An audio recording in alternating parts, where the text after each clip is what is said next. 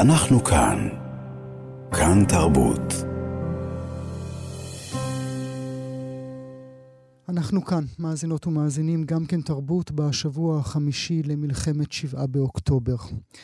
וכך הוא כותב, הזיכרון שלי אינו משוכלל עד כדי כך. אני יודע רק בערך מתי נרצח אודי, אני יודע שבערב שבת, אני יודע שבחורף, אני יודע שבעת פריחת השקדיות, אבל נדרשות לי כמה שניות של מחשבה כדי להיזכר שקצת יותר משבוע לפני פורים. כך כותב מבקר הספרות מוטי פוגל בספרו החדש לא ממואר. ביום שבת, ה-11 במרץ 2011, רצחו שני מחבלים פלסטינים את אחיו ורעייתו, אודי ורותי, גם את ילדיהם, יואב, אלעד והדס. והספר הזה, לא ממואר, הוא כולו געגוע לאח פרטי, אבל בצירוף מקרים לא מתוכנן. הוא הפך במידה רבה למדריך עבור כולנו, ישראל כולה, לתחושות של אבל ואובדן. אובדן. מוטי פוגל, שלום. שלום. לא תכננת. אה, לא, לא, לא תכננתי. לא יכולת לתכנן. מה? לא יכולת לתכנן. אה, לא יכולתי, לא, לא רציתי, לא שיערתי, לא חששתי, לא, לא הרבה דברים. כן. אתה עצמך קורא את הספר שלך בעין אחרת אחרי שבת שבעה באוקטובר? אה, כן, אה, לגמרי. אני כתבתי אותו כספר אה, מאוד אישי ומאוד פרטי, על המקום שבו אני נמצא מאז הרצח, ועל התמודדות והניסיון למצוא זיכרון ונחמה, אבל במקום מאוד פרטי ואישי שלי. והנה, כולם הצטרפו. אז uh, יש דברים ש... כמובן שיש דברים אישיים שאני מקווה שעדיין יקראו, אבל ברור שיש דגש גדול יותר על, uh, על ההיבטים היותר רחבים ולאומיים. כן, הספר השתנה, אבל אתה יודע, המחבר מרגע שהספר יצא, בכל מקרה אין לו שליטה על איך דברים יקראו. אני חושב שבמידה רבה, מוטי, אם אתה מרשה לי, אה, בספר החשוב הזה, אתה לוקח את הכי חשוב לך עצמך. אתה הופך אותו לשלך עוד פעם, את אחיך, את רעייתו, את הילדים. אה, כי כל הזמן נכסו את אח שלך. בצד הזה ובצד אחר, וגם את המתים של החודש האחרון, גם אותם מנכסים לכל מיני כאלה. ואתה בספר, שמעתי את כל הצעקה שלך שאומרת, זה אח שלי. נכון, אני חושב שזה היה אולי המניע מלכתחילה לכתוב את הספר, ואני מגיע לעניין הזה גם באמת בסופו. אמ, אני מסרב, או אפילו כועס על העניין של למצוא משמעות למוות. לא מדבר על, אני לא מדבר על גבי ניכוס, אבל המשמעות. זאת אומרת, במותם ציוו לנו את החיים, או במותם ציוו לנו את הנקמה, או במותם ציוו לנו גם את השלום, במותם ציוו לנו משהו. אה, ואני חושב שאלו דרכי התמודדות בעיקר, ודרכי התמודדות שבעיניי הן לא טובות, לפחות לא לי אישית. אה, לא ציוו לנו שום דבר, הם פשוט מתו, וזה איום ונורא שהם מתו. אה, ואנחנו צריכים ללמוד לחיות עם האובדן הזה. בשביל זה צריך לספר את הסיפור שלהם, לספר את הסיפור שלי עם היחסים שלי והחיים שלי עם אודי והיחסים שלי עם המוות ועם האובדן. אה, ולא לכסות את המוות בכל מיני אה, מבנים ש... אה, שיאפשרו לנו לשכוח אותו. אתה מפחד שיהפכו את מתי החודש האחרון לסמל, כמו שהפכו את אחיך לסמל? נראה לי די הגיוני שזה מה שיעשו. זאת אומרת, אין מה לפחד, זה מה שיקרה פשוט. אין מה לפחד, זה מה שקורה. תראה, אני מקווה של... תראה, זה, אני חושב שזה יקרה. זה לא... זה, זה זה דרך הטבע, או דרך העולם. אני מקווה שלצד זה לפחות אה, הם ישמרו אה, גם את הזיכרון שלהם, שלא יתכחשו לזיכרון שלהם, שלא יתכחשו לחיים שלהם בעיקר. אה, זאת אומרת, יש משהו בהתמקדות במוות שלהם שהוא הכחשה של החיים. הם חיו כמה שנים, חלקם מעט מדי, כולם מעט מדי. חלקם הספיקו לחיות יותר, חלקם הספיקו לחיות פחות, אבל הם חיו. אה, ואני חושב שצריך לזכור את החיים האלה, אני חושב שלאנשים שחיו איתם, אה, זה מה שחשוב בעיקר, אני חושב שגם לנו זה צריך, זה צריך להיות. אתה יודע, כשאתה אומר התכחשות לחיים, אני חושב גם כמובן על המתים הרבים בחודש האחרון, אבל גם אל אחיך, כי כאשר הפכו את אחיך לסמל, סמל מתנחלי, סמל, אה, סמל של הארץ כולה וכל הסיסמאות האלה, אה, התכחשו לאהבה שלו אליך, התכחשו לדיאלוג שלך איתו, התכחשו לריבים היפים ומלאי, התוכן שהיו ביניכם, ועשו אותו רק צד אחד. נכון, אבל אני צריך להודות שגם זה היה הצד שלו. זאת אומרת, האידיאולוגיה שלו והאמונות שלו היו שונות משלי. הם לא היו האמונות שלי. ולכן אני גם מתעקש בספר שאני לא מנח... אני משתדל לא לנכס אותו אליי ולהגיד הוא היה אחרת ממה שאתם חושבים. אלא מתוך האהבה שלי אליו, אה, לכתוב על המקום שלי ביחס אליו וביחס למקום שבו הוא גדל, מקום שבו אני גדלתי, אה, למחשבות שלי, שלי על המוות. אז חושב שתיארת את זה יפה. אמ, לכלול גם את הוויכוחים וגם את חילוקי הדעות, אמ, אבל כאנשים חיים ולא כאמירות מופשטות. Mm. אני מקווה מאוד שעשיתי את זה. עד כמה הצלחתי. אה, לי, באופן אישי, אני הצלחתי. אני, בכתיבה של הספר, אני עברתי סוג של מסע שלקח לי די הרבה שנים. אני מקווה שהמסע הזה גם עובר איכשהו לאנשים אחרים שיקראו את זה. אני רוצה שנדבר על הפן האחד של המסע, וזה המסע הספרותי שאתה בעצמך עושה, כי אתה קורא לו לא, לא ממואר, כי אכן, זה לא ממואר, אלא מין תהליך נפש, ואתה מדבר רבות אה, על ספרות בספר הזה, אבל עוד לפני כן, ברשותך, קשה יותר אה, לקום ממוות שמגיע מפיגוע מאשר אה, מוות אה, שבא ממקום טבעי? אין לי מושג. לשמחתי חוויתי רק אחד ולא את השני, אז אין לי מה, אין לי מה, אין לי מה להשוות. אני חושב שיש דברים שהם קלים יותר ויש דברים שהם קשים יותר. יש דברים שהם... אה, יש הבדל ב... ביחס הציבורי, אה, לטוב ולרע. יש דברים שהם יותר אה, קלים בעובדה שיש אנשים שמנחמים אותך, שמודעים לאובדן שלך. לעומת זאת, אתה מאבד אדם בתאונה או ממחלה, אף אחד לא יודע על זה, ועם המעטים שיודעים זה נראה להם, אני משער, דרך העולם. אה, אז אולי יש משהו יותר אה, מנחם או עוזר בזה שיש אנשים מסביב.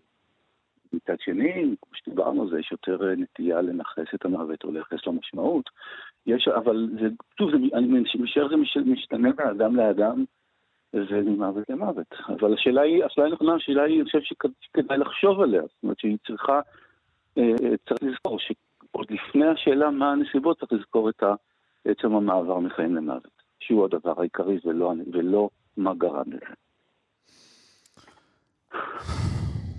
אני לא עונה תשובות ברורות, סליחה. לא, אתה, אתה מצליח להפסיק לבכות? תגיד לי, מוטי. מה? אתה, אתה מצליח להפסיק לבכות? אה, אני, אני, אני מנסה למצוא דרך לבכות. אצלי זה יותר מחנק, זה קושי לנשום מאשר בכי. וידעת במהלך הכתיבה את הספר הזה, את התהליכים הנפשיים שתצטרך לעבור, שוב להשתכשך בביצה הזו שאולי, שאולי יכולת או אולי הצלחת להשאיר אה, מאחוריך? קודם כל הכתיבה של הספר עצמו הייתה לעבור, הייתה עצם זה היה המעבר, זה היה המאבק, זה היה התהליך. זה היה, זו הייתה חוויה מעניינת, נאמר, אה, לעבוד על הספר לקראת הפרסום, זאת אומרת, לעשות הגהות. ואיכשהו לנסות להתנתק מהתוכן של מה שאני עושה, לא הגהות, ולעבוד על מילה מילה, ולשכוח לרגע מה, מה יש במילים האלה. אמ, אבל תראה, איכשהו זה יצא ש... כן, אני, תראה, כשכתבתי חשבתי שבמובן מסוים אני אוכל, לא לגמרי אף פעם, אבל קצת להשאיר את זה מאחוריי. אה, וזה ברור לי שלא. אולי זה גם הלקח של הספר בעצם, אני לא יכול להשאיר את זה מאחוריי, והחודש האחרון אה, הוכיח שאי אפשר להשאיר את זה מאחוריי. זה נמצא כל הזמן. אה, ואני, תראה, כתבתי, אני חושב שאני חושב פעם לא מעט על הזמן ועל הזיכרון. נכון. אז אני חושב שזה חלק מהעניין, להיות כמה רגעים, אתה יודע, לפעמים אתה נמצא בכמה רגעים בעת ובעונה אחת, גם בשלב של הידיעה וגם בשלב של של הקבורה וגם בשלב של זיכרון, סתם איזשהו זיכרון ילדות, ויותר לא נמצא באף אחד מהרגעים האלה. לדעת שזה יחזור, וגם באופן לא מתוכנן. או לא, לא צפוי. וזה בסדר. איפה אתה, מוטי, בשאלת הסרטונים שעכשיו אה, שואלים האם להראות אותם לכלל הציבור הישראלי ולא רק אה, לשגרירים ולבכירי הוליווד? אני חושב ש... אה, תראה, אני חושב שקודם כל זה ביזוי כבוד המת. ביזוי כבוד המת. זה אנשים חיים. אלו היו אנשים חיים. וכך, אני לא רוצה כך, שככה שאנחנו אמורים לזכור אותה. זאת אומרת, עליי, אם אתה שואל מתי אני בוכה, אז אני מצליח לבכות כשאני רואה פרצוף של משפחה מחייכת, שאני יודע שהיא נרצחה.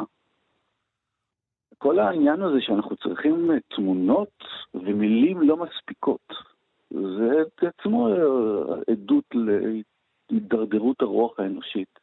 וניוון הרוח האנושית. לא שלתמונות אין משמעות, אבל בואו ניקח את התמונות שלהם חיים ונספר, ונספר שהם, שנספר שהם מתים בהתקפת טרור מזעזעת, מחרידה, בלתי אנושית.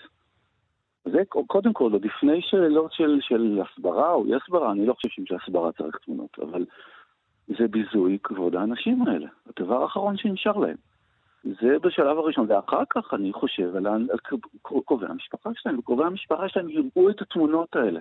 לא משנה כמה הם ינסו להימנע מזה, הם יראו את התמונות והם יחרידו אותם, עוד יותר ממה שחייהם כבר איומים. אז שוב, אנחנו שוב חושבים יותר על ההסברה שלנו, על הדימוי שלנו, מאשר על החיים הממשיים של אנשים שגם ככה איבדו המון. זה נראה לי נורא. אני לא חושב שצריך להיכנס לאיזשהו שיקול. אני לא מדבר על שהציבור הישראלי, אתה שואל לגבי הציבור הישראלי, אני חושב שלא צריך להראות לאף אחד. Mm. לא לצלם. הזכרתי קודם את העובדה שאתה עובר מסע ספרותי, גם uh, בתוך הספר הזה, לא ממואר, כי הספרות, מה היא בשבילך? איזה מין כרית היא? Um, אני חושב באמצעות ספרים. אני חושב באמצעות ספרים. כן, אני חושב שספרים נותנים לי מילים. לי. ספרים נותנים לי מילים, ספרים נותנים לי דימויים. אה, ספרות היא החיים שלי, אני חושב שכולנו חיים במילים, אני חושב שאנחנו צריכים לחיות, לא רק במילים, לא במילים באופן של להתנתק מהעולם, אבל אה, אנחנו חיים בתוך שפה. השפה היא מה שמגשר בינינו. אה, ובתוך השפה הזאת יש לה מטען רחב, המטען הרחב הזה הוא, הוא, הוא ספרות, אמ, על כל צורותיה. וזהו, ספרות, כשאני אומר ספרות, אני מתכוון גם לתנ"ך וגם לגמרא, אה, וגם למה שנקרא היום ספרות. אמ, גם פילוסופיה היא ספרות. כל, כמעט כל שימוש שפתי הוא, הוא ספרות. ואנחנו חיים, וכשאני יצאתי למסע הזה, אז אני חשבתי על... נושאים ודברים, סוגיות באמצעות uh, ספרים. זאת אומרת, חיפשתי uh, התייחסות לזמן, למושג של זמן, ומצאתי את זה, ב... כמובן שיש אין, אין ספור uh, ספרים שעוסקים בזמן, אבל מצאתי איזה חלק, וחשבתי על יחסי אחים, mm-hmm. ומצאתי אותם כמובן בתנ"ך, אבל גם בספרים של, גם בספר של אדגר אלן פה. Mm-hmm. וזה אפשר לי אה, את המרחק הזה שנדרש לכתיבה. אומרת, ליצור איזשהו אה, מרחק, לכתוב על משהו שהוא מאוד אישי לי, אבל הוא גם, אני רוצה לכתוב עליו לאנשים אחרים.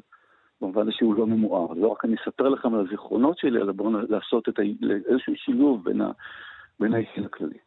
אה, אז כן, דרך ספרות. תקרא עבורנו מעט מן הספר.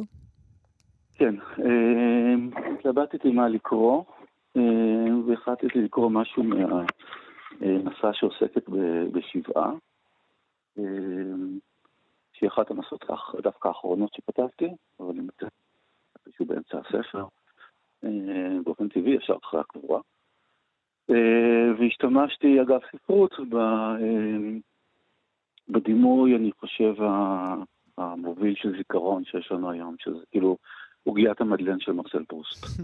אה, בתור הדימוי של זיכרון,